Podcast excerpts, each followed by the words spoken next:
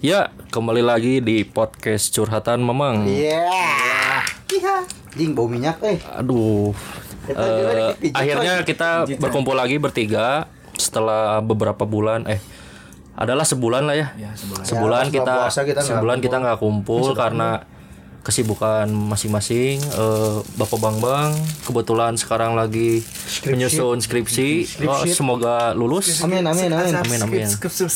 Saya dan Gali sibuk tugas akhir. Masih kuliah-kuliah. siap persiapan lo untuk berskripsi. Oke, jadi buat topik kali ini agak berat pak.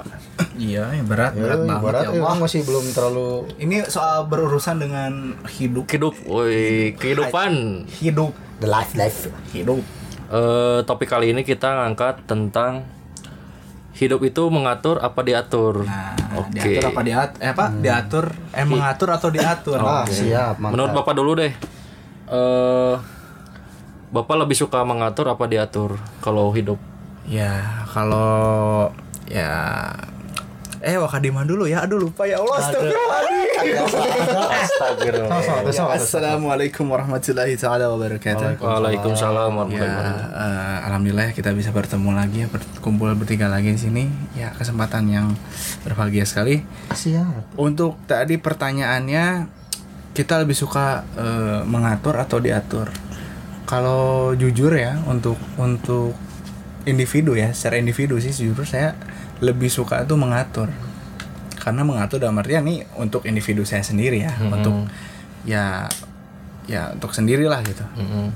Karena kalau kita yang mengatur, seenggaknya kita tahu apa yang harus kita posisikan ke depannya, harus yang kita planning ke depannya gitu. Nggak semerta-merta kita hidup dalam diktean orang lain gitu. Ya, kalau saya sendiri sih jujur lebih suka untuk mengatur gitu.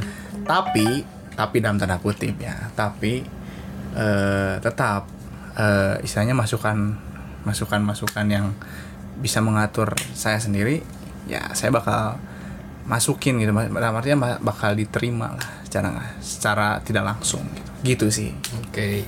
Eh, kalau menurut saya sih lebih suka mengatur apa diatur. Kalau saya sama seperti Bapak Bambang, lebih suka mengatur. Kenapa? Karena kalau diatur tuh memang kalau secara apa ya kalau secara sistematis lah ya kita lebih terarah gitu kalau diatur tuh. Tapi kekurangannya adalah kalau kita diatur tuh kita memang nggak sebebas yang kita mau gitu. Misalkan kita mau mencapai target A, tapi kita tuh harus melewati step yang seharusnya kita nggak mau lewatin gitu. Iya. Itu kalau diatur. Jadi kalau kalau kita ngatur, ya kita bebas. Misalkan eh, kita ada aiming buat kerja di sini dalam beberapa tahun, tapi ket- eh, orang tua kita memaksa, wah kamu harus di tahun segini harus segera ini gitu. Itu kalau diatur gitu. Kalau mengatur ya enaknya ya kita bebas sendiri gitu. Jadi lebih mengatur apa diatur ya? Lebih mengatur kalau saya. Bapak Galih gimana? Kalau saya sih berpendapat sama kalian juga sih lebih enak mengatur soalnya. gitu aja Enggak, anjir emang. Eh, aja Enggak, ini ini saya punya pendapat sendiri, Oh, Pak. iya, iya. Siap, ya, siap, siap, siap. mengatur tuh emang lebih enak gitu. Kita bisa mengarahkan diri kita sendiri gitu kan biar lebih terarah gitu. Tapi tergantung juga sih. Ada kalanya ya hidup tuh harus diatur gitu kadang-kadang. Ya, kalau sekiranya kalau pemanya kita diatur tapi bisa membuat kita jadi lebih baik ya apa salahnya gitu kalau Ya, kalau saya mah berpendapatnya gitu. setuju deh. Jadi ya mau mengatur atau diatur ya tergantung kadang-kadang tergantung situasi. Tapi emang kalau hidup pribadi gitu diri sendiri ya lebih enak mengatur sendiri lah. Maksudnya ya kita bebas menentukan apa pun itu mau ya mau berkeluarga atau mau apa pun itu kan kita yang ngejalanin gitu. Jadi ya hanya kita yang mengatur gitu. Kalau saya mah lebih kayak gitu sih. Ya benar. Jadi poinnya adalah eh, kalau kita misalkan andaikan misalkan kita diatur selama kalau diaturnya benar, ya itu oke sih ya, nggak Ya, salah. nggak merugikan dan emang bikin kita jadi lebih baik ya nggak masalah Iya, tapi kalau andaikan dalam satu kasus ada beberapa teman saya hidupnya tuh dia kayak diatur gitu, tapi eh, aimnya menuju ke yang buruk. Nah itu ya agak ini juga sih, agak tricky lah ya untuk beberapa waktu ke depannya gitu. Nah ada lagi pak, menurut bapak gimana? kalau ya balik lagi sih sebenarnya. Kalau kalau saya sih ya itu. Suka dalam artinya suka mengatur lah. Mengatur untuk diri saya sendiri ya. Bukan untuk mengatur diri orang lain sih sebenarnya. Hmm, karena apa ya setiap orang tuh hakikatnya punya punya kebebasan lah dia untuk mengatur hidup dia itu terkecuali kan kalau orang tua nih. Mm-mm. ya wajar orang tua untuk mengatur kita karena orang tua tuh pengen ngasih yang terbaik buat kita. Sih intinya seperti itu. Nah, setidaknya mereka setidaknya.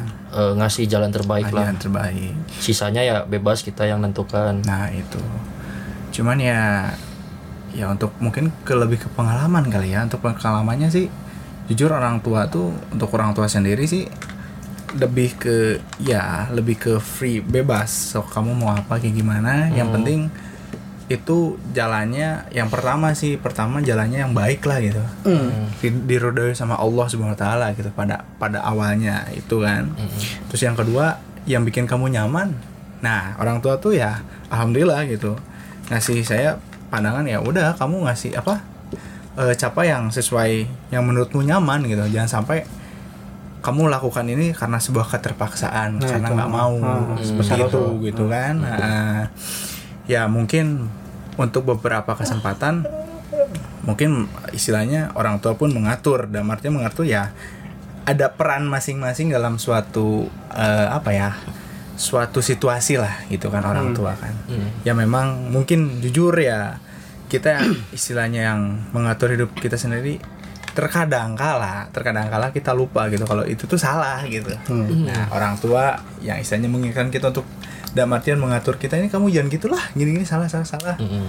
Nah, dalam artian yaitu saya jujur itu artinya mengingatkan gitu. Kalau oh kita udah terlalu jauh nih bro kayak gini kayak gini. Kalau bahasa friendly-nya lah gitu kan ah, bener nggak Mhm. nah mungkin untuk pengalaman saya kayak gitu sih.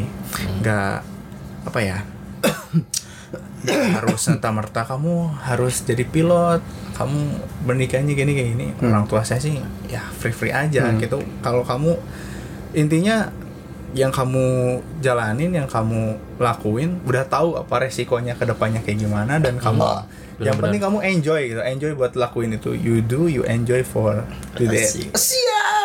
iya iya iya. Kalau kalau saya masih ada kalanya dulu waktu masih pemikiran bocah ya pernah gitu merasa muak diatur gitu. Kayak pemainnya. Kan ma- emang enggak maksudnya ya pernah kita ya pastilah pernah gimana punya jiwa berontak gitu lah di sekarang mana remaja masih belasan tahun mah gitu. Jelas ya lah dikala itu mah bro. dikala ya maksudnya dikala mana pemainnya ya main lah gitu. Hmm.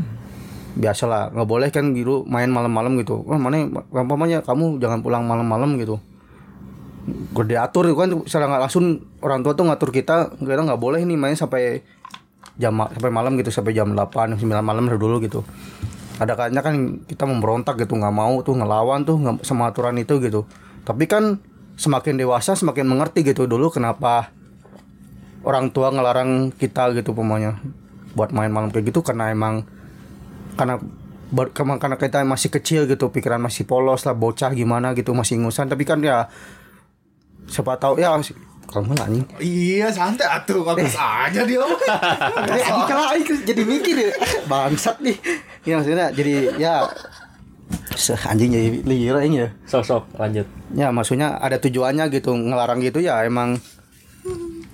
Karena masih kecil kan jadi rawan diculik lah rawan ya pahit-pahit mah hilang lah digondol ke batur diculik gitulah. bener-bener ada jadi emang ada maksudnya gitu mereka mengatur kita tuh orang kalau orang tua mah gitu tapi ya kalau semakin dewasa kayak gini ya emang sih berpendapat sama Bambang juga ya.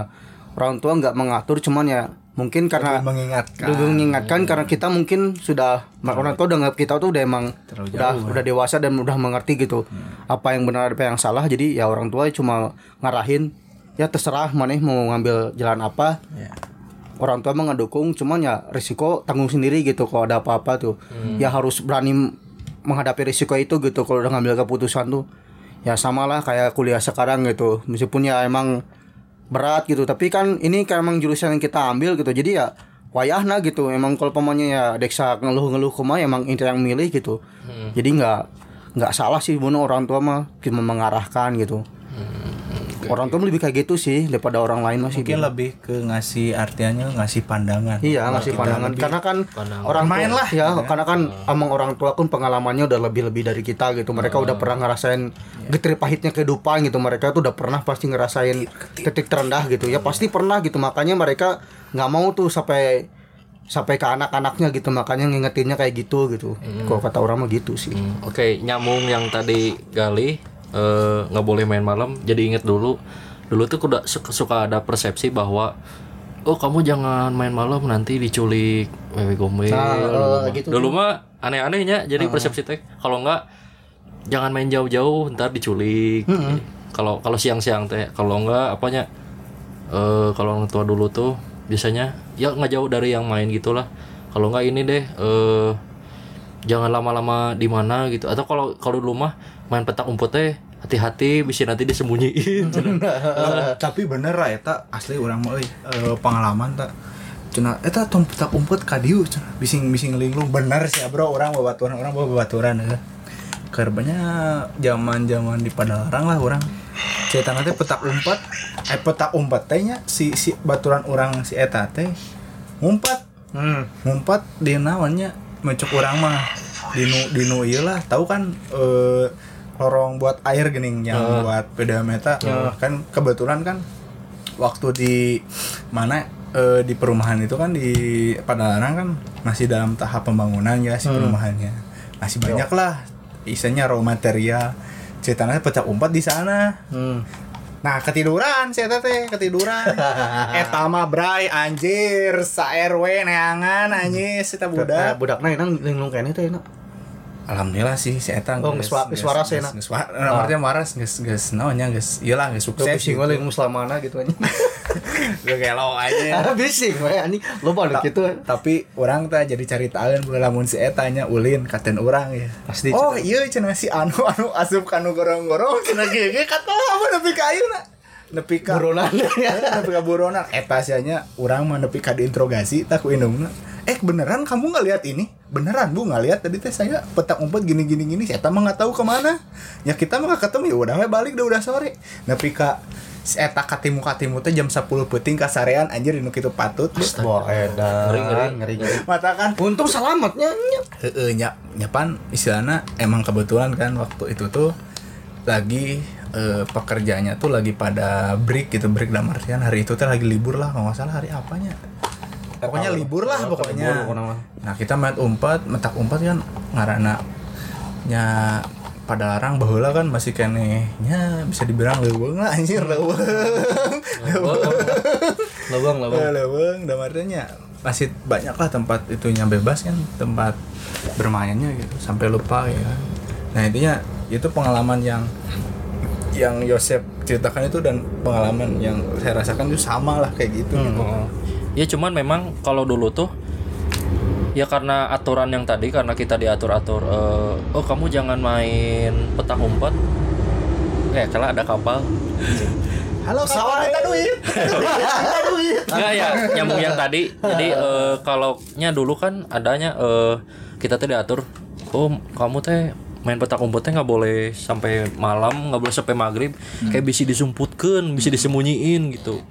Jadi dulu teh mau main petak umpet emang bener sih. Jarang jarang ya dulu mah ya generasi kita lah yang 90-an jarang main petak umpet sampai eh, maghrib gitu karena jarang ya karena persepsi yang tadi karena eh, si diculik Si diculik. Heeh, cenah. gue gomel lah kade eta maghrib komo mun geus awana oren cenah engke mana disumputkeun nah, dulu mah jadi ada ada persepsi kayak begitu Iya. gitu Hmm. terus dulu tuh ada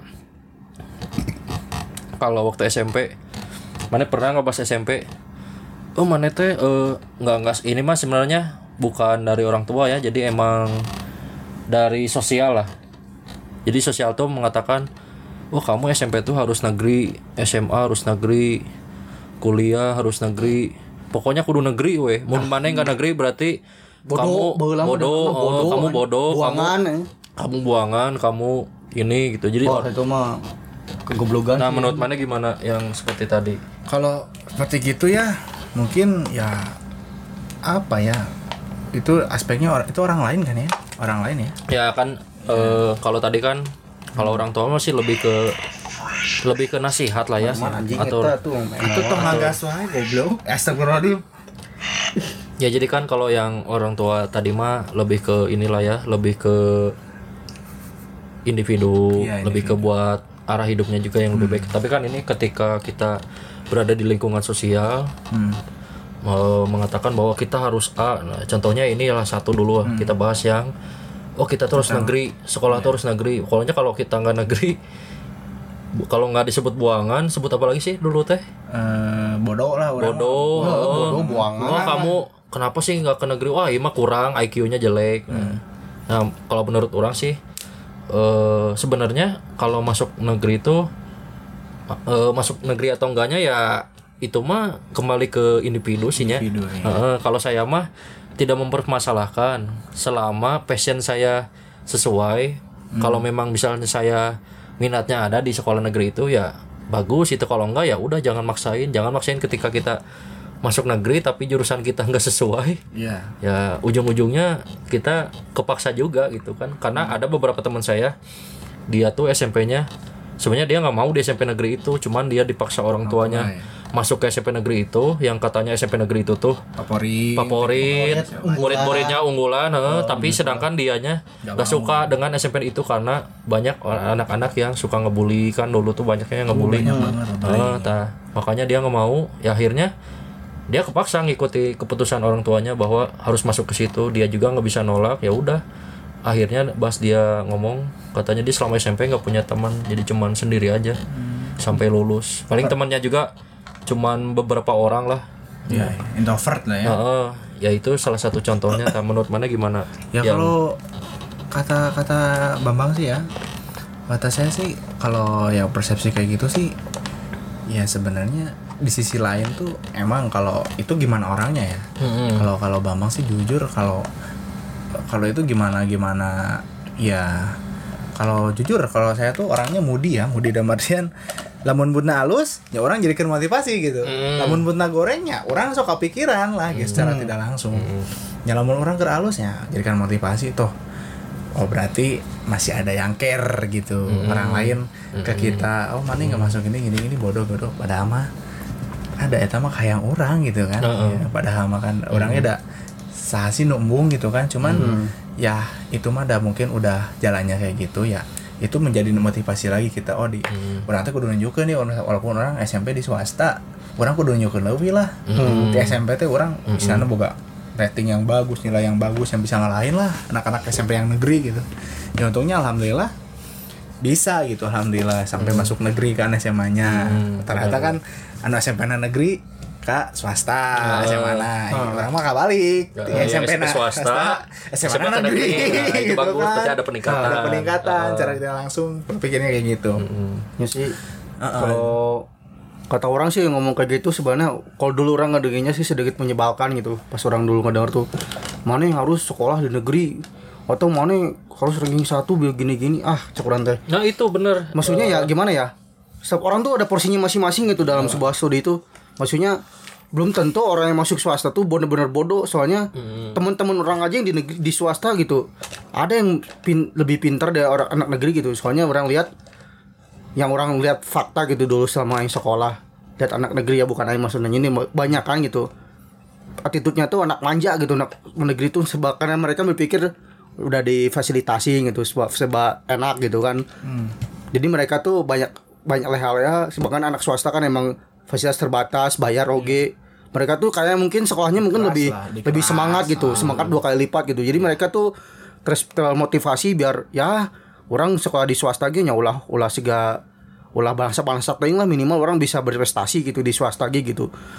Sebenarnya orang-orang kayak gitu sih kayak memaksakan kehendak mana enak kak orang? gitu yang mana tuh sekolah teh kudu di negeri atau mer terpandang. Padahal orang lihat attitude-nya malah attitude-nya malah menurut orang lebih bagus anak swasta daripada anak negeri sih. Secara, secara attitude gitu yang orang lihat dulu dulu gitu. dia, gitu. ya maksudnya ya maksudnya anak-anak swasta meskipun nakal-nakal tapi ya kebanyakan mereka-mereka tuh kalau kalau dalam belajar tuh bagus gitu yang orang sama ini aing sekolah di swasta gitu.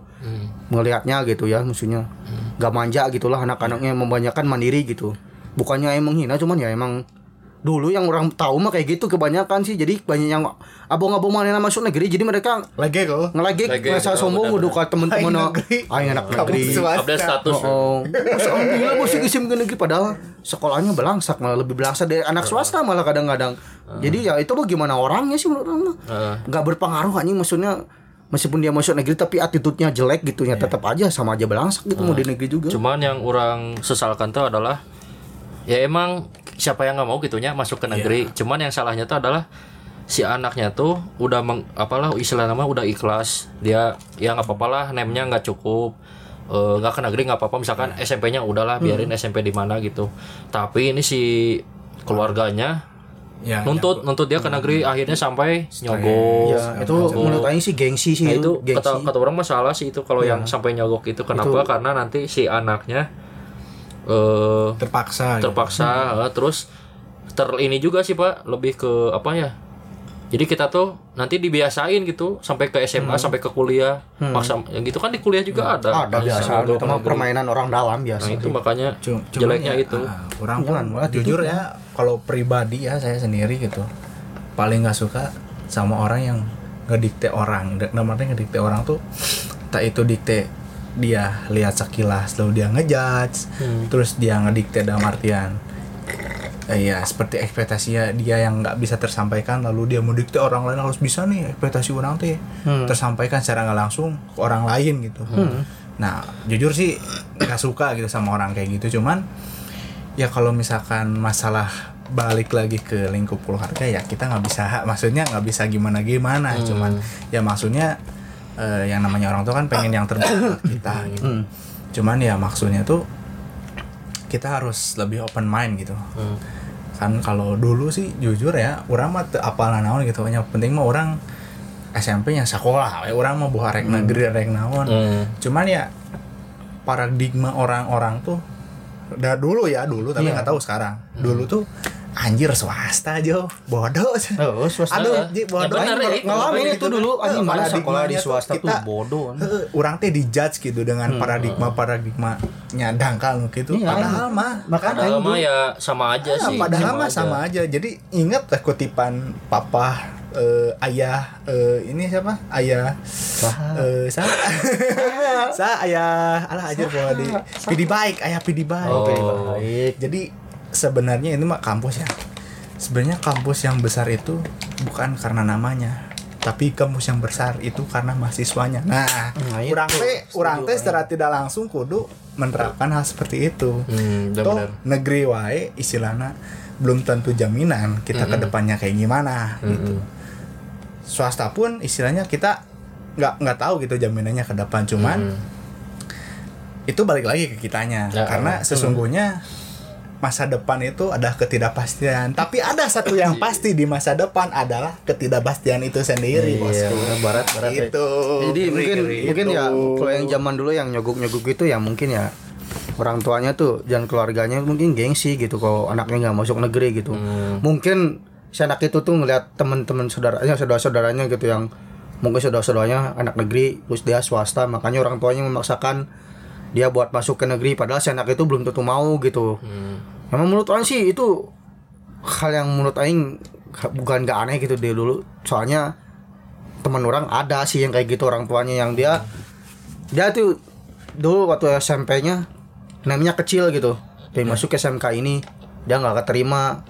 Ya mau ke jalan tukang sih biasa. Mau jalan permainan teh biasa lah itu duit teh jadi ya ya emang orang dulu ngedengerin itu sedikit menyebalkan gitu. Ber- banyak berspekulasi kalau orang masuk swasta tuh ya bodoh-bodoh lah ya. Bodaknya baraong lah buangan-buangan negeri hungkul lah. Menurut orang sih itu parah banget sih dulu ngejat banget kayak gitu. Padahal belum tentu anjing anak swasta kayak gitu. Semua maksudnya ya masih banyak kok anak swasta yang berprestasi gitu Hmm. dibanding anak negeri gitu. Ya mungkin anak negeri karena ya itu karena mereka dicokong pemerintah gitu makanya lebih gengsi itu. Hmm. karena dana udah enak gitu fasilitas udah lebih dari anak negeri anak swasta gitu. Anak negeri itu jadi ya yang orang lihat dulu ya emang attitude-nya kadang-kadang lebih manja gitu daripada anak negeri. Ya emang anak swasta nakal-nakal gitu tapi ya emang itu rajin-rajin gitu. Secara bawang-bawang budak swasta ya orang juga termasuknya orang dulu juga golongan yang anak-anak sekolah yang bawang tapi nggak sampai bikin kasus lah dulu-dulu gitu.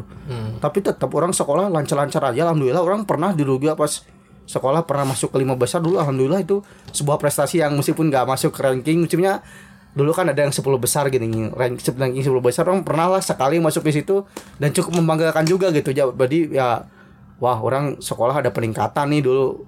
Ada orang sekolah di swasta tapi ya orang tua juga alhamdulillahnya gitu. Orang tua orang tuh ngerti gitu meskipun orang tahu mungkin dulu kecewa gitu pas orang SD masuk SMP swasta gitu Ya. kecewa. Terus pas SMP ke SMA juga masuk swasta- juga mungkin ada penyesalan juga mungkin nganggap orang mungkin kayak ah mana teh asa geus dibiayain tapi asa kieu kieu wae gitu.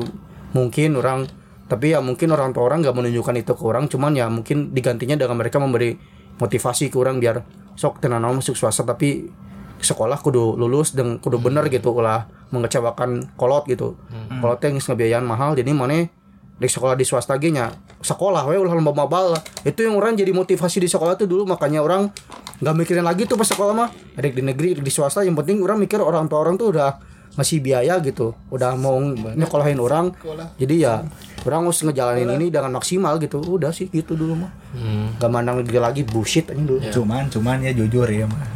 Ini mah curhatan pribadi sih. Saya jujurnya ya pribadi ini mah ya pribadi nggak nyangkut ke lowongan atau apa. Jujur nggak suka yang samanya ranking. Hmm, hmm. nggak suka nggak suka. Kenapa nggak suka? Karena gini loh.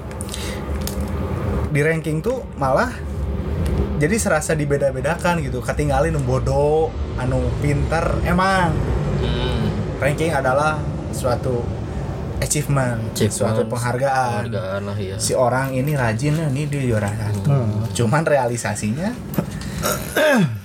rata-rata gitu ya yang saya alamin ya saya nanya gitu ke teman ya sharing segala macam orang tuanya tuh malah menggila-gilai bahwa kamu tuh ranking atau gini gini gini mbak istilahnya memang mereka mungkin mengasih motivasi cuma kan itu balik lagi ya gimana anak gimana anaknya gitu kan Hmm.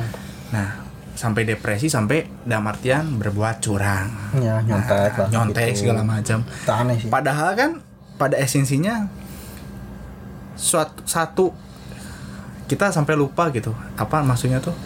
Kita sekolah tinggi-tinggi, sekolah buat istilahnya sampai alhamdulillah mungkin sampai SMA rata-rata kan. Sampai lupa pada inti awalnya sekolah tuh apa ya itu kejujuran gitu. Kita sampai lupa nilai kejujuran kita karena ya itu desakan dari pihak eksternal atau internal Iya sih. untuk kita meraih ranking gitu dengan menggebu-gebu dengan kita kata kamu harus ranking gini gini gini sebenarnya sih menurut orang itu stereotip orang Indonesia sih menurut orang yang Iya. lebih memper, lebih memperhatikan dengan ranking nilai daripada attitude kita gitu. Iya. Ya, benar benar. Menurut orang sih itu sampai sekarang masih terjadi sih mau di dunia apa pun itu juga dilihat tuh pasti nilai dulu dulu juga wah mana nggak ranking berarti bodoh padahal belum tentu mungkin aja anaknya emang nggak nggak terlalu ini nggak terlalu menonjol di di akademik tapi dia nonjol di hal yang lain gitu. lain. bisa jadi emang setiap anak tuh punya bakat beda-beda gitu. beda, beda. makanya Cuman- tapi ya stereotipnya banyak gitu cuman sih. ya di kita apa ya kita nggak bisa protes sih cuman memang sudah mungkin sudah biku kulturnya Ya, mungkin sudah kulturnya gitu. Terpaku pada suatu ranking sih pinter sih. Padahal kan kita nggak tahu di belakangnya apakah dia Iya. jujur apakah dia bersih atau gimana kita nggak tahu kan. Iya. Pada intinya itu kan. Nah kenapa alasan saya nggak suka adanya rankingnya itu? Malah jujur saya waktu waktu SMP SMA ya mungkin SMP sih saya pernah masuk ranking lah gitu ya. Cuman ya saya kasihan kasihannya tuh sama mereka yang udah kerja keras tapi nggak masuk ranking. Pernah loh teman sekelas waktu kelas 8 dia nangis gara-gara nggak masuk ranking. Cewek sih. Curik ya? Curik serius curik sih. pokoknya baru tahu. Ayalah pokoknya mah si ya eta si Ya, anu lah. si mawar si Si mawar. si mawar. Si mawar. Baso baso mawar. Mawar ya kita samakan namanya menjadi mawar saja. Eh, si mawar. Ya dia teh istilahnya udah keras kerja keras segala macam nggak masuk ranking nangis tapi sedangkan orang yang leha-leha yang ah ya udahlah ada gimana? gitu. Bodo dengan nyantainya bodo amat. Se- Selalu selalu. selalu lah nyelau. Masuk bisa masuk 10 besar gitu. Sedangkan dia nggak bisa masuk. Selalu, nangis coy. Sampai ya kayak ya kayak ngerungin diri sendiri gitu gini nyalahin nyalahin. Ya padahal nah orang setuju nggak setujunya kayak gitu, gitu. Setujunya mungkin ya sebagai achievement dari guru. Mm-mm. Kita dikasih sebuah penghargaan oh kamu hebat nih pintar dapat ranking cuman yang nggak enaknya kasihan mereka yang udah bekerja keras tapi nggak masuk ranking dengan artinya ya bisa bisa dalam artian di- mereka bisa stres kayak gimana kayak gitu kan Mm. nah dengan hal gilanya lagi sampai ngelakuin hal dan hal ekstrim kotor yang lain kayak Ya, nyontek. segala macam sampai untuk mengejar impiannya nah secara nggak langsung hal itu kan masuk ke mindset kita ke Mm. eh apa alam bawah sadar kita bahwa yang harus kamu lakukan adalah seperti ini seperti ini caranya seperti ini tapi kita nggak tahu kan cara tersebut apakah benar atau tidak Hmm. Ya. nah itu sebenarnya yang orang suka dari sebuah sistem yang ranking Yang ranking, gitu. Iya, Oke, dan itu tuh jujur. benci itu jadi ke bawah sampai ke kehidupan Ah, terus tuh jujur jadi, aja, uh, gitu. Mau sampai kuliah pun kadang-kadang nggak suka ada yang berpikiran gitu anjir aing bisa yang mending nyontek secara dia enggak. Ya. Dia nggak berusaha dulu gitu. Padahal kan ya sederhana berus dengan berusaha juga dia kan jujur gitu meskipun nilai jelek tapi kan nah dia ini nilai pure dia yang dapat gitu daripada dia hasil nyontek tapi ya iyalah nggak ilmunya nggak dapat apa-apa tapi ya emang stereotip itu yang nggak pernah berubah jadi ya ke bawah-bawah terus sampai kapan pun itu menurut aing. Nah, terus eh, gara-gara sistem yang ranking tadi di antara dua ini ja- jadinya mengarah ke diatur. Diaturnya kenapa?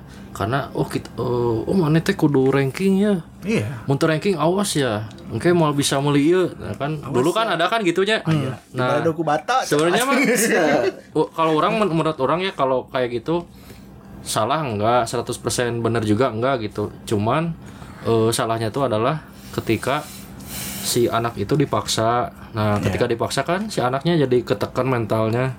Terus jadi dia terpengaruh bahwa oh gimana nya caranya harus ranking sedangkan kemampuan si anak itu di satu Di hal itu gitu Ah. begitu gitu. Eh, disebut baik enggak jelek juga enggak. gitu, Ya, sedang ya? medium lah medium heeh. nah dia bingung kan? ya medium. udah akhirnya jalan keluarnya. Kalau nggak nyontek. Iya.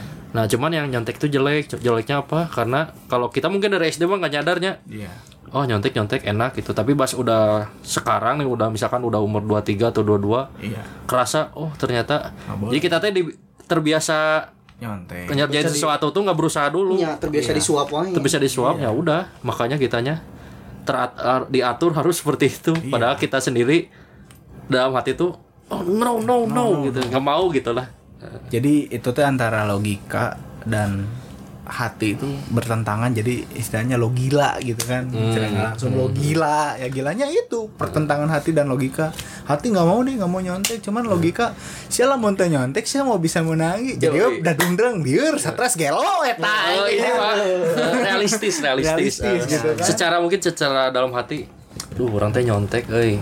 Nah, naonan sih eh, capek-capek belajar gitu. Tapi Tapi, si dalam dalam si otak mah- dalam realistas, eh, realistas deh. Realitas. Realis- eh, dalam ya kalau kita pikir secara realistis, realistisnya nilai bakal goreng untuk nyontek gitu. iya Ya udah, mau Mau nggak mau. mau nggak mau. mau ya kita kita di pojokan pada kita aturan kita diatur gitu Kita diatur.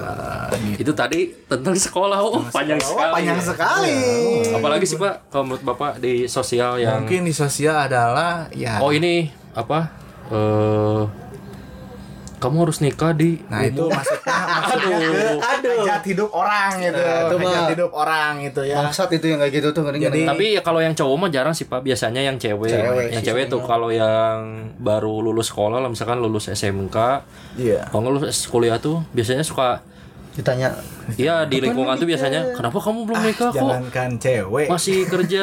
Ya iya sih cowok juga ada. Cowok juga iya. cuman yang yang kasihan tuh teman orang gitu yang yang cewek-cewek dia masih mau karir tapi di lingkungan tuh maksa-maksa maksa buat nikah. Oh lo oh, kenapa sih belum nikah? Kayak keburu keburu kolot sih ya kayak mau bisa hamil cina tapi pan pada dasarnya air tulang rusuk mah mau apa hilir Iya. kan lurnya bener tuh tulang tapi rusuk kalau pahili. buat kasusnya cewek sih ya kalau digituin kasihan juga. Soalnya kan mungkin berpikir orang yang ngomong kayak gitu ah mana dek saya tinggi tinggi sekolah tuntunan mana jadi ibu rumah tangga padahal belum tentu kan. Iya. Pokoknya kan maksudnya kalau mana pengen punya anak yang pinter ya orang tuanya otomatis harus pinter lah bukan dari pihak ayahnya pihak ibunya juga.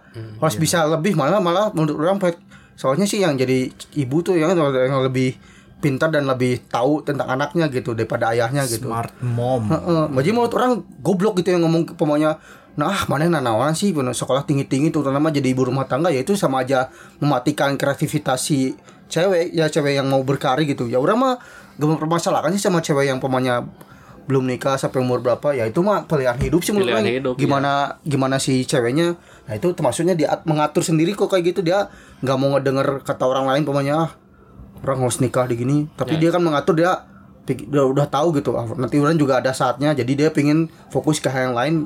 Kayak gitu sih. Ya dengan adanya si stereotip ini eh, apa ada beberapa orang tuh jadi malah dia ya itu ketekan kan jadinya. Iya. eh, dia udah umur berapa jadi harus pikirin buat nikah. Padahal misalkan nih cewek eh, lulus lah SMK misalkan atau SMA ya atau lulus kuliah lah. Ya lulus SMK lah ya dia kerja nah dia langsung nikah.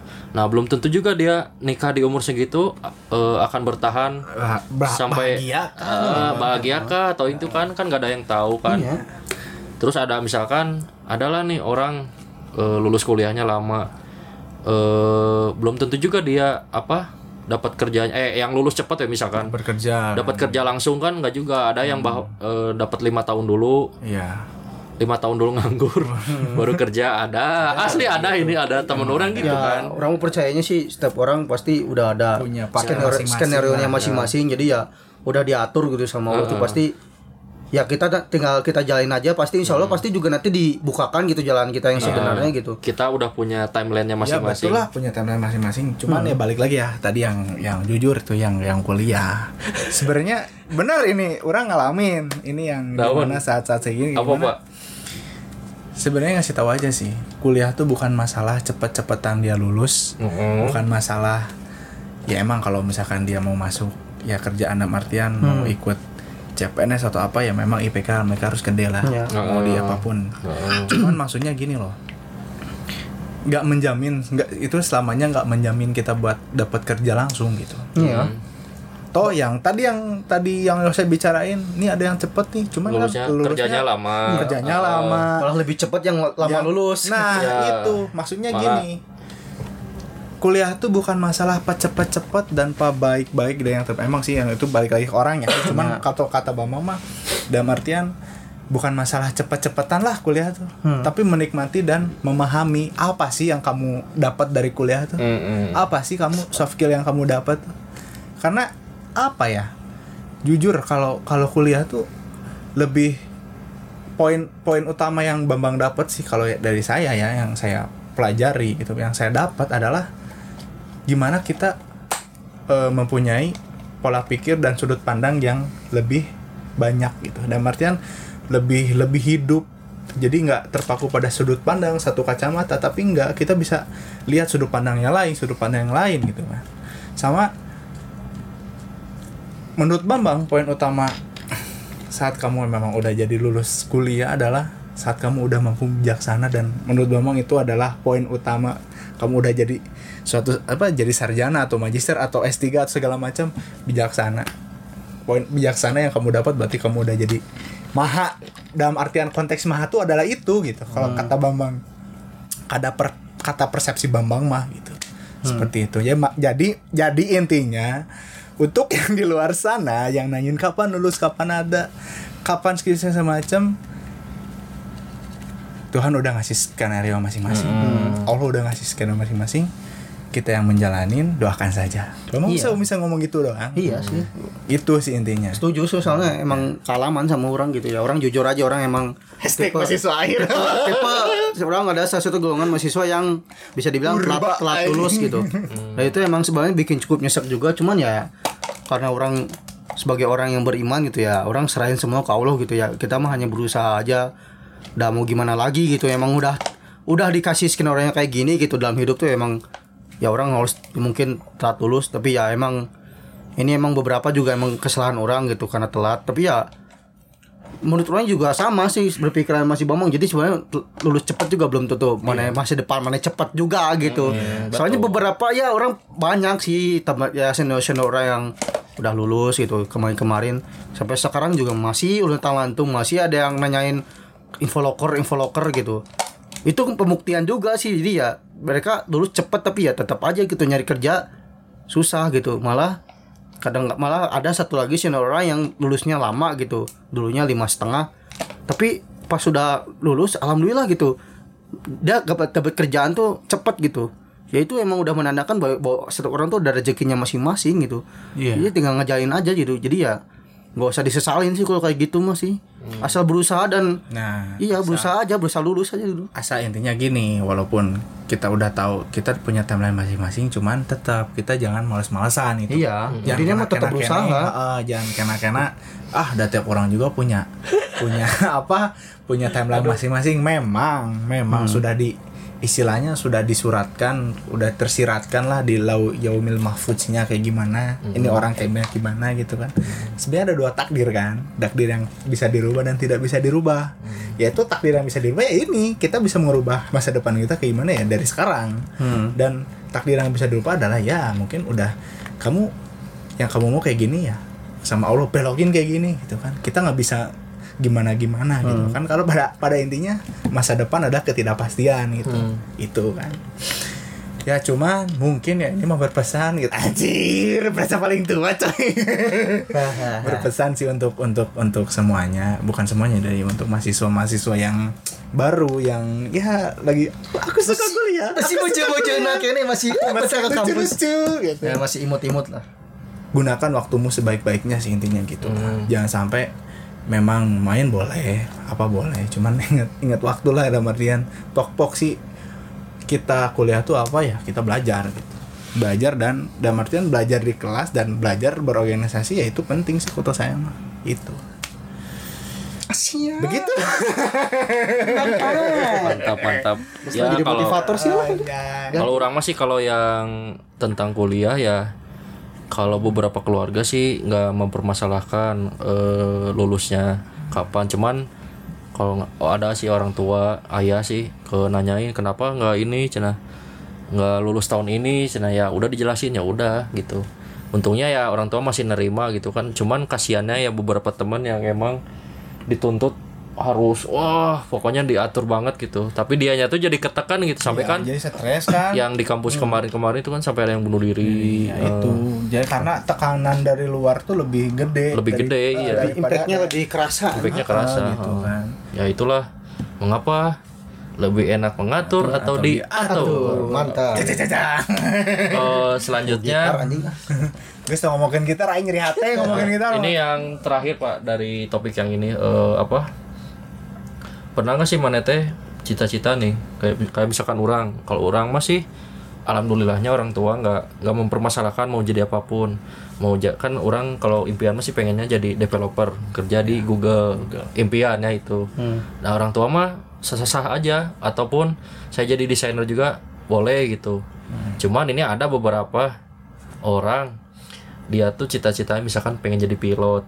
Tapi yo. jadi pengen jadi pilot nih. Ya misalkan ini bukan bapaknya. Ya, yang lain yang lain. Kalau dia pengen jadi pilot tetapi si keluarga ini si keluarganya dia memaksa untuk jadi pegawai kantoran gitu. Mau nggak mau pokoknya kamu lulus harus jadi pegawai kantoran aja. Terus bukan dari keluarga aja dari lingkungan juga. "Eh, kamu kerjanya apa?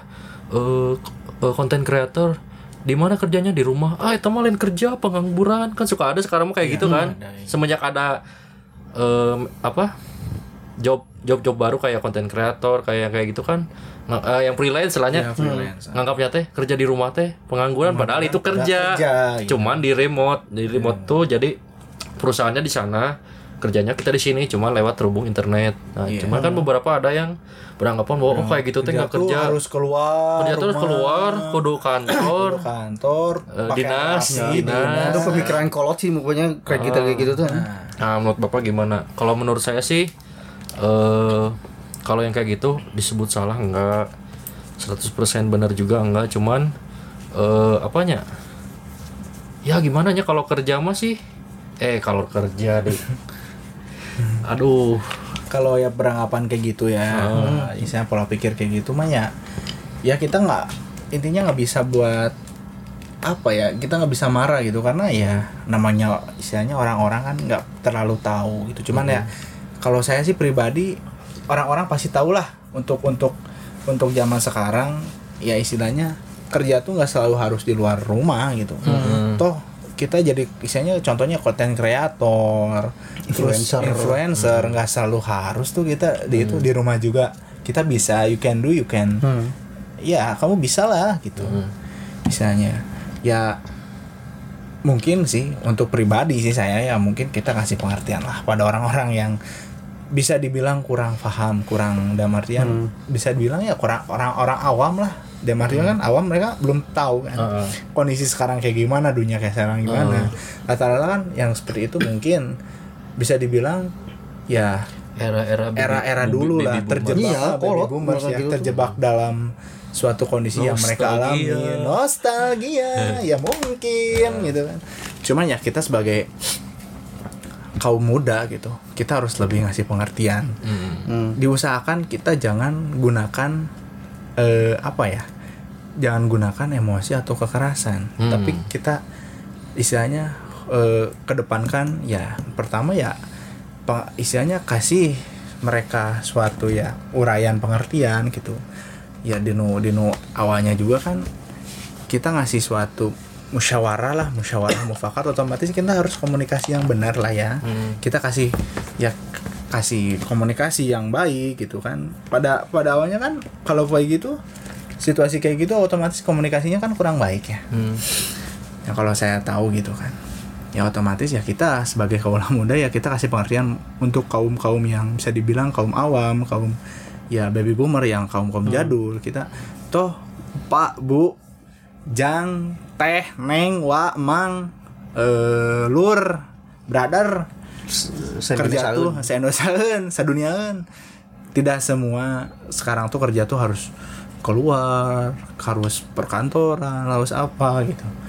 Toh apa di rumah juga kita bisa. Contohnya kita konten kreator nih kita kayak kerja gini bikin bikin gini. Ya kita di rumah tapi tetap dapat pundi-pundi uang kan. Ya namanya kerja kan cuman mungkin beda tempat doang gitu kan pada artian mungkin di rumah lebih ya lebih enak lah dia diem di rumah Hmm. seenggaknya bisa bisa monitoring rumah kan secara nggak langsung kan mungkin enaknya gitu Nah, nah kan eh, ini kan mengangkutnya ke cita-citanya. Hmm. Ya ini mah kan tadi eh, bahasan yang tadi lagi. ya Dia pengen jadi pilot gitu. Dia tuh benar udah lah passionnya jadi pilot tapi si keluarganya tuh maksa buat dia masuk jurusan ini. Misalkan jurusan yang beda lah. Kayak orang dulu orang dulu pernah. Jadi eh, kalau kalau ibu sih kalau ibu ayah dari keluarga lah ya. Keluarga i- ayah ibu mah nggak masalah saya masuk jurusan apa. Bahkan kalau masuk jurusan IT kan emang dulunya SMK IT itu bagus itu kalau di luar itu juga cerah nggak apa-apa selama kamu bener. Nah sedangkan keluarga saya yang lain ada maksa saya itu harus masuk ke kampus ini. Jadi waktu itu tuh disuruh masuk ke jurusan eh, mesin mesin apa ya kayak mesin bukan mesinnya bukan yang teknik sih lebih ke kayak ngelas gitu engineering ya Ah. itulah. Ya, nah, engineering. dipaksa ke situ karena apa? Karena eh anaknya si keluarga saya itu dia sekarang kerjanya di salah satu perusahaan, Gede. perusahaan motor eh, gede. Oh, kamu harus eh, kuliah masuk ke kuliah ke situ gitu. Mau nggak mau gitu. Kamu suka nggak suka harus ke situ. Itu bagus, you know. nanti kerjanya bisa ke Jepang, you know. Jadi ngatur gitu, ngatur saya harus ke situ. Sedangkan saya saya kan SMK TKJ gitu. Sangat jauh lah ya sama eh, jurusan mesin itu. Nah, Iya. Kayaknya itu apa yang mbak-mbak mbak kan saudaramu yang itu ya kayaknya dia itu marketer ya jadi mau ngasih suatu oh kamu kerja gini gini gini wah marketer gitu hebat itu itu hebat saya kalau disebut marketer enggak, cuman kayak maksa gitu. Jadi Iya. oh, oh, kamu eh, kuliah tuh kuliahnya harus di situ lah. Nah, kalau bisa mah keterima di situ, jangan ke kampus lain. Nggak usah lah jurusan IT. Nah, itu mah nanti aja ngulik. Cuma harus ke situ. Nah, kata orang ngulik gitu eh, ya udah karena orangnya ketekan gitu kan ya waktu itu masih SMK ya udah terpaksa ikutan tesnya ke si kampus itu. Tapi ya alhamdulillahnya apa tidak keterima eh, itu kampus ungu bukan sih Hah? kampus ungu bukan? Ungu enggak sih. Itu itu kampusnya negeri. Oh, negeri. negeri. Negeri, Cok.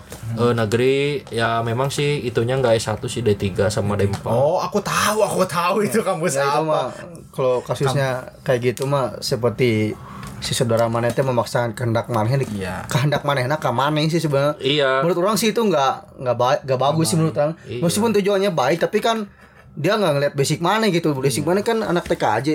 Masa ma- disuruh masuk ke mesin emang nyambung gitu kan Nah iya itu. Makanya kan orang eh kalau ya keluarga orang yang itu tuh ya emang orang ya bagus sih niatnya mah ngasih motivasi. No ini eh, anak saya sekarang kerjanya di PT ini eh, bagus kemarin ke Jepang gitu. Cuman saya sendiri mikirnya iya memang. Tapi pas ya- saya lihat kampusnya jurusannya sangat jauh gitu dari yang dulu di apa diambil. Saya dipaksa ke situ ya untuk ya saya ja- jadi ikut kepaksa gitu katakan juga. Ke atur lah. Ya udah terpaksa ikut. Ya untungnya nggak keterima. Jadi ya udah sekarang walaupun masuk kampus swasta tapi ya emang jurusannya sesuai dengan yang saya minati walaupun sebenarnya waktu kemarin tuh saya bisa masuk kampus negeri gitu. Eh, di kampus apalah ada. Cuman saya milih kalau mikir kalau ke negeri gitu eh, sekarang saya ngambil jurusan itu eh, nantinya bakal nggak bener gitu. Mending ngambil jurusan yang saya pengen tapi ya udah ke depannya Hmm. enak lah gitu. Ke depannya itu kalau bicara cita-cita mah gimana ya? Emang mungkin waktu masih bocah mah banyak lah. Pengen jadi ini pengen jadi itu. Ya orang jujur orang pernah pengen punya cita-cita dulu tuh kecil sih banget ngomongin tuh. Hanya di pembalap F1 aing dulu tuh anjing pembalap coy kan maka mobil wecan bisa gitu anjing enak ya maksudnya dulu karena ya bacot-bacotan gak pugul lah masih bocah gitu. Wah pengen jadi tentara jadi itu. Tapi kan sering berjalannya waktu selain sering bergaul kayak sebagainya semakin dewasa ya cita-cita itu lupa gitu. Kecuali kalau emang dia di masa remajanya masih inget cita-cita pas bocah gitu mungkin dia jadi orang yang bener kayak saudara orang kan yang masuk ke kepolisian mungkin mungkin aja dia dulu dari bocahnya udah cita-cita pengen jadi polisi dan mungkin dia ditanamkan terus di dalam diri dirinya tapi sampai dia dewasa jadi dia menjalankan cita-cita itu gitu jadi ngomong-ngomong cita-cita emang gimana ya emang kadang-kadang omongan masa kecil dan omongan sekarang tuh kadang-kadang beda gitu pemikirannya gitu. Kalau masa kecil ya emang masa yang enak lah sebab sekarang ngeliatnya kayak gitu kayak yang keren tuh. Wah anjir jadi tentara keren wah. Jadi dokter keren gitu. Ya, lebih ke ini sih pak eh, jangan ya cita-cita bisa tapi lebih ke yang kita capai lah Iya maksudnya sesuai dengan passion kita yang kita Eh, bisa yang- sekarang yang, gitu. pengen kita mau tapi pada akhirnya ada aja gitu yang Ya kalau mau jujur mah orang sebana pinginnya mah sih pengen jadi pemusik gitu sih dulu dulu karena orang pas SMP kan udah gila ting Jamet, yo. enggak goblok Jamet, yo. ya pengen pengen tergila-gila ya udah udah emang tertarik gitu sama dunia musik dan sampai sekarang masih tertarik Ya. dulu orang udah ada pemikiran pas SMK tuh pingin masuk ke sekolah jurusan musik gitu ISBI, ISBI, no? enggak SMK SMK teh SMK 10 dulu mah 10 sama Emang ada gitu? ada ada Ada, SMK ada. musik no Ada. tentang sini hungkul sama 9 kalau nggak salah. orang dulu pernah sih sempat konsul ke orang tua orang teh pingin nerusin bakat orang gitu. Ini orang ngerasa ini emang sebuah bakat dan orang ngerasa ngejalaninya tuh enjoy banget gitu dibandingkan hobi-hobi orang yang lain. Orang ngerasa tuh ini hobi yang mungkin pas banget buat orang gitu. Yang menurut orang ini nggak bikin aing bosen nggak bikin aing bete gitu orang jalanin. Jadi ya orang pingin ini semakin berlanjut. Cuman ya orang tua orang tuh dulu nggak mendukung dan menganggap itu hanya sebuah hobi belaka. Jadi ya lebih baik cari yang lebih berpeluang besar. Prospeknya lebih bagus di masa depan daripada kayak gitu. Ya mungkin itu pemikiran kolot juga sih yang menganggap sebagai pemusik tuh gak mau menang duit. Padahal kenyataannya gitu zaman sekarang orang buat cover-cover aja kadang-kadang bisa dapat duit kalau covernya bagus dan bikin kontennya yang rapi gitu. Konten cover kayak si Hanin dia kayak gitu kan Ya, modal nyanyi-nyanyi cover tapi dapat duitnya banyak gitu kalau di Anses man ya maksudnya ya ya gitu sih cita-cita tuh emang kadang-kadang tidak kadang-kadang ya su- sulit juga gitu. Kalau ngomongin pas masa kecil dan masa sekarang memang berbeda gitu. Hmm, ya ternyata apa yang kita pengen capai itu ya ternyata ada juga yang eh, mengatur gitu. Ya kita juga serasa diatur gitu lah Iya. setelah oleh sosial ini gitu. Nah menurut bapak bambang gimana? nah menurut mana? Mumpung ini topik terakhir nih. Ya mungkin topik terakhirnya tadi apa ya? ya ya kan? Ngobrolin orang. eh, apa? Ada kerja storytelling panjang tuh bapak pernah nggak? Jadi eh, kan suka ada nih orang tuh tar- achievementnya pengen bisa jadi misalkan jadi Oh, konten cita-cita ya. nggak cita-cita aja sih lebih ke target lah. Misalkan dia tuh pengen punya punya rumah lah misalkan punya rumah punya rumah di tahun ini. Tapi ke- eh, si sosial tuh ngomong ngejudge gitu ya? Oh wah kamu mah belum kerja lah. Naon sih eh pengen beli rumah sosokan gitu kan. Jadi mereka tuh kayak bukan ngeganggu sih nya lebih kayak ngatur gitu. Dikte lah. Eh, dikte eh, wah kamu gajinya cuma segini nggak mungkin lah bisa rumah. Padahal kan kita kita nggak tahu itu ya kita kan nggak tahu kan. Kita yang ngatur gitu kita yang tahu jalannya ke depannya gimana. Nah menurut bapak itu gimana? Ya kalau saya sih ya gimana ya bapak pernah nggak lah yang kayak gitu kasusnya? Sering sih bisa dibilang sering lah. Seringnya teh eh dalam artian eh seperti inilah. Eh kayak kayak gini. Contohnya kayak cita-cita lah gitu ya. Ini tadi masalah cita-cita kan. Eh cita-cita cita-cita dalam artian dulu kan emang pengen jadi pilot nah kesinggung-singgung pilot nih kayak gini. Pilot. sumpah beneran. Saya waktu dulu tuh pengen jadi pilot. Hmm, terus gimana? Cuman menyayangkannya ya gigi saya kan hancur. Jadi dalam artian numbuh mencelak mencele depan belakang gitu kan nggak rapi. Ya saya mikir aduh nggak nggak bener nih masuk pilot gitu kan. Cuman ya ada usaha ya. Pernah sih dibehel juga sih di atas waktu-waktu. Ya awal masuk SMP nggak salah. Nggak tahu awal eh, ya masuk masuk SMP lah waktu dulu dibehel cuman ya gitu gitu kalau dasarnya nggak rapi ya tetap kalau nanti jadi juga kan nggak rapi gitu kan Ah, jadilah saya pilot Oh, di tes eta untuk di ya pariksa. iya semua fisik fisik Fisik. Oh, berarti Fisik coba macam. tentara hukum tergantung tentara unggul gitu. Ya, Pilot mah lebih berat sih. lebih berat coy Hmm, nggak boleh merokok Apa lagi? It- pokoknya itu lebih ke ya badan kamu lah itu semua beneran nggak ngerokok. Udah gagal pada anjing. Ah, kan saya pengen jadi pilot. Ah, pas eh, Bapak Bang Bang mencap mau mencapai target si menjadi pilot ini ada nggak yang terasa diatur gitu oleh sosial tuh? Oh kamu tuh nggak boleh ah naon gitu. Ya. Naon sih? Mana jadi pilot? Jadi naon sih gitu, nu gitu tuh sih. enggak sih? Kalau kalau jujur gimana ya? Baru apa ya impian kayak gitu tuh baru gitu di keluarga di keluarga Bambang terutama sih baru mereka mengapresiasi. Cuman mungkin ya pas saat saat saat di mana nggak sesuai ekspektasi ya untungnya sih mereka nggak menjudge ah ya udahlah misalnya ah aku masih bola yang pilot ki ki kongguan, ki ki bangsat, ki ki. Ya pada inti ta- tapi ya untungnya mereka ber ber spekulasi ya berpendapat ya udahlah nggak apa-apa tuh. Nggak ini kok nggak jadi pilot kan bisa jadi apa jadi apa cuman ada ini mah bukan dari keluarga sih faktor-faktor ek- internal lah Ya, ya, lu- faktor eksternal, eksternal lah lah, luar, lingkungan, Ya, ya. luar lingkungan lah nah ini kan yang mau saya bahas tuh Nah, ini. yang lingkungan di mana pernah waktu itu tuh saya pengen masuk ya istilahnya tentara lah abdi negara kan Hmm. abdi negara cuman ada beberapa faktor yang bikin saya nggak bisa masuk adalah ya pertama saya pakai kacamata minus otomatis saya sudah diobatin tapi dalam artian sekarang jangka waktunya kalau saya diobatin dulu mata kan itu gimana tubuh saya ngerespon cepat enggaknya kan. Sedangkan saya ber- berjalan dengan waktu gitu kan. Dalam artian berjalan dengan waktu itu adalah apabila saya nyanyiakan satu tahun ini maka ada satu part yang saya lewatkan. Kalau ini saya sih berpikirnya waktu dulu gitu kan. Ada satu part yang saya lewatkan maka ya udahlah mungkin bukan rezekinya gitu. Bukan artian saya gampang menyerah waktu itu cuman berpikirnya realitanya ya sesuai keadaan lah. sesuai keadaan dalam artian realita dulu jujur waktu dulu tuh adalah materinya. Jujur waktu dulu berpacu dengan waktu adalah dan berpacu dengan materi materinya gitu. Ya istilahnya kita dana terbatas lah gitu kan. Sama berpacu dengan waktu juga gitu kan. Waktu itu posisi kakak masih masih kuliah, lah gitu kan. Waktu-waktu SMA kelas 3 tuh. Dan ya alhamdulillah saya lulus kakak udah kerja gitu kan cuman ya dalam artian eh ada sih pihak luar juga yang menjudge nah hasil mana itu? Nusia pada postur tubuh bagus sih bagus sih bagus ini ah lebar ki ki ki. Padahal mah orang ge hayang sanu teh hayang sih. Orang yang jadi tentara abdi negara gitu. Benar-benar. cuman ya mungkin kesempatannya nggak ba- bukan bukan bukan bukan rezekinya. bukan rezekinya. Hmm, mungkin ya bukan Bukan- takdirnya lah kita. bukan takdirnya bukan disuratkan gitu. Ya udah kuliah kan. Nah kuliah teh ayah kan yang nunggu truk. Tuh, pak? jadi artian gue mana asup we kuliah mah. Kan mana waktu dulu kan saya eh, waktu SMA tuh bahasa sebenarnya. Hmm.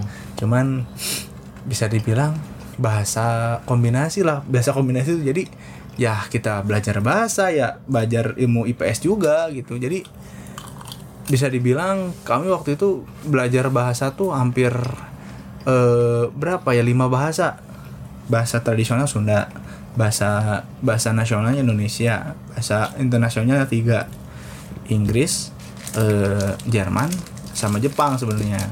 Cuman kalau kalau kelas Jepang tuh bisa dibilang sedikit lah gitu yang yang datangnya. Jadi bisa dibilang itu mah mata kuliah sisipan anjir. Tah sok aya tuh di mata mata kuliah sisipan. Ya mungkin. Bukan mata kuliah mata pelajaran. bukan mata pelajaran utama cuman ya tambahan lah. Tambahan. Cuman anehnya tuh waktu itu malah kayak ya anak-anaknya tuh nggak mengapresiasi gitu bahasa Jepang. Rata-rata Korea coy. Anjir kan Korea gitu. Korea gitu kan.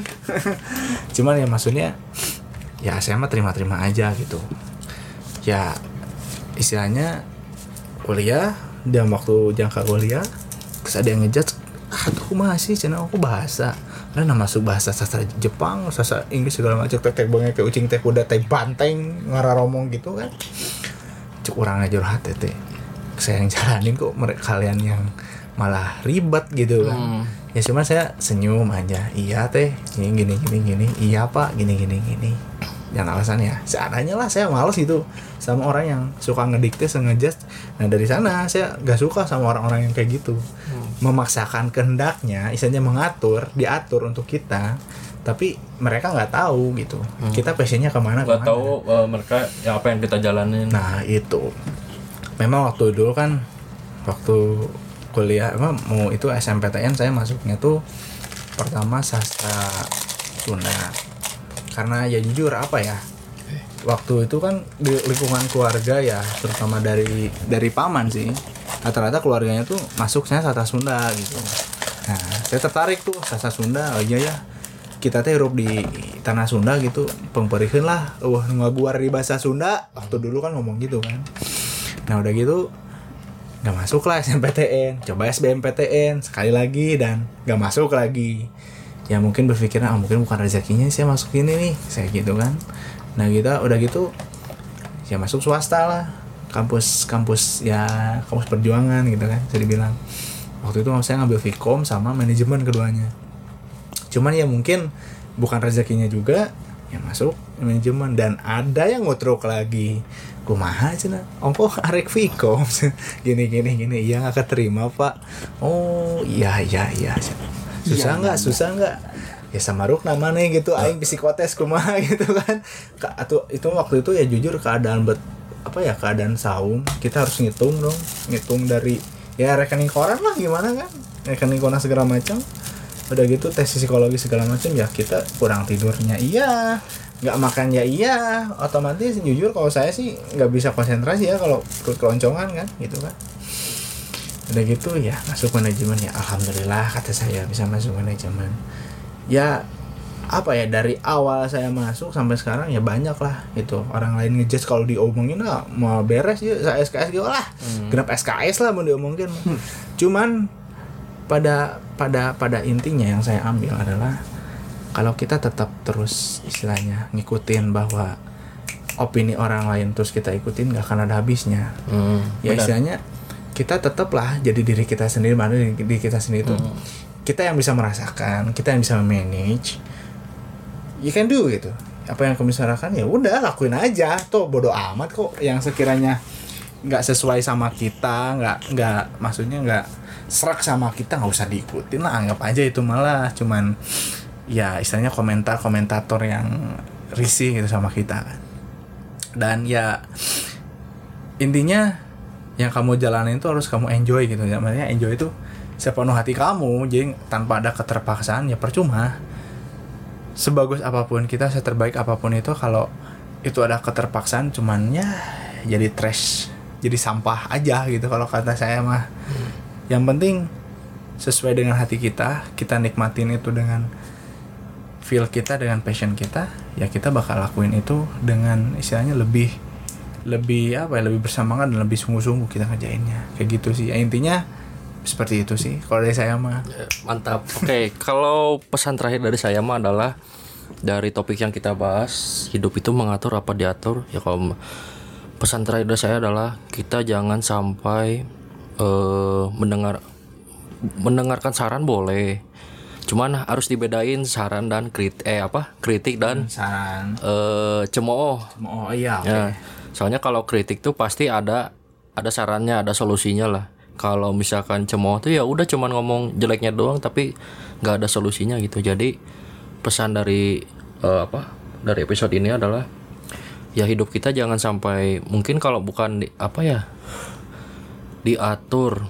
Ya lebih ke ini sih eh, kita tetap idealis lah ke diri kita sendiri gitu. Misalkan kita aiming target lima tahun ke depan akan bakal jadi seperti ini ya udah kalian tetap ideal eh idealis bahwa kalian targetnya harus ke situ. Jangan sampai dulunya kalian target ingin jadi koki tapi karena kalian di lingkungan dipaksa Jadi- harus jadi A harus jadi B. Ya ya pada tent- yang pada akhirnya kalau kita ngikutin yang jadi B belum tentu juga kita sukses, Heeh. nah jadi lebih baik kita harus eh, tegas lah lebih apa lebih jangan terlalu mendengarkan kata-kata orang lain. Dalam artian mendengarkan tuh hal-hal yang negatif gitu. Kalau misalkan saran dan pendapatnya yang bagus ya ambil. Tapi tetap kita harus punya prinsip masing-masing gitu. Ya, nah, dari Papa Gali gimana? Pak Gali gimana Pak Gali?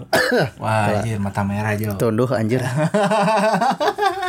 Kalau dari saya yang masalah mengatur diatur itu ya emang sudah dijelaskan sama saudara-saudara kita semua ini ya di sini ya. Iya, assalamualaikum. Jadi kalah haus aja. eh sok atuh. Jadi kalau masalah mengatur diatur tuh ya ya kita yang menjalani gitu. Jadi emang kita yang harus tahu apa yang ingin kita lakukan gitu dalam hidup gitu. Maksudnya ya di satu sisi emang ada yang mencoba mengatur hidup kita gitu meskipun tujuannya baik.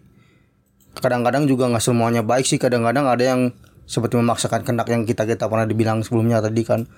Mereka mencoba mengatur dengan persepsi mereka masing-masing yang belum tentu kalau kita ngejalanin itu bakal jadi lebih bagus gitu. belum tentu belum tentu sukses juga. Dan menurut orang itu ya konyol juga sih kalau mana percaya tinggi jadi ya mana yang tahu gitu, mana sendiri yang hidup, mana sendiri yang tahu diri mana sendiri ya, mana sendiri yang harus nentuin jalan hidup mana sendiri gitu. Ya orang lain sih ya sebenarnya nggak bakal tahu sih proses mana gimana gitu, nggak bakal tahu, nggak bakal semuanya tahu gitu tentang proses mana ping jadi apa ping jadi apa tuh ya kadang-kadang yang pasti aja yang ada beberapa yang mau coba membelokkan persepsi kita itu gitu yang dengan tadi yang ah ya mana lulusan SMK gini-gini atau gini-gini gini ya itu mah bukan hal yang aneh sih pasti ada aja yang persepsi kayak gitu mah tapi ya kalau emang maneh itu udah yakin dengan jalan maneh pingin kayak gitu ya udah gitu jalanin aja gitu. Mencoba menjalani passion yang emang maneh inginkan dan emang ya harus mengatur hidup sendiri ya emang bener sih. Mana yang tahu yang mana harus mengatur hidup itu jadi ya sudahlah. Udah orang mah geus di dijalankan KBL aku buat naik ini kamu geus paranjang lah orang mah geus saeutik Siap bos, atuh santai we santai tong bareng gitu. Tunduh anjir ya segitu aja. Jadi pesannya tetaplah kalian punya prinsip masing-masing. Jangan sampai kalian termakan sosial dogma oleh orang lain gitu. Ya terima kasih telah mendengarkan episode podcast kali ini. Eh, sampai jumpa di minggu berikutnya. Nanti kita insya Allah kita update lagi. Insya Allah Saya Yosep. Saya Bambang. saya Gali Sampai jumpa di episode berikutnya. Thank you.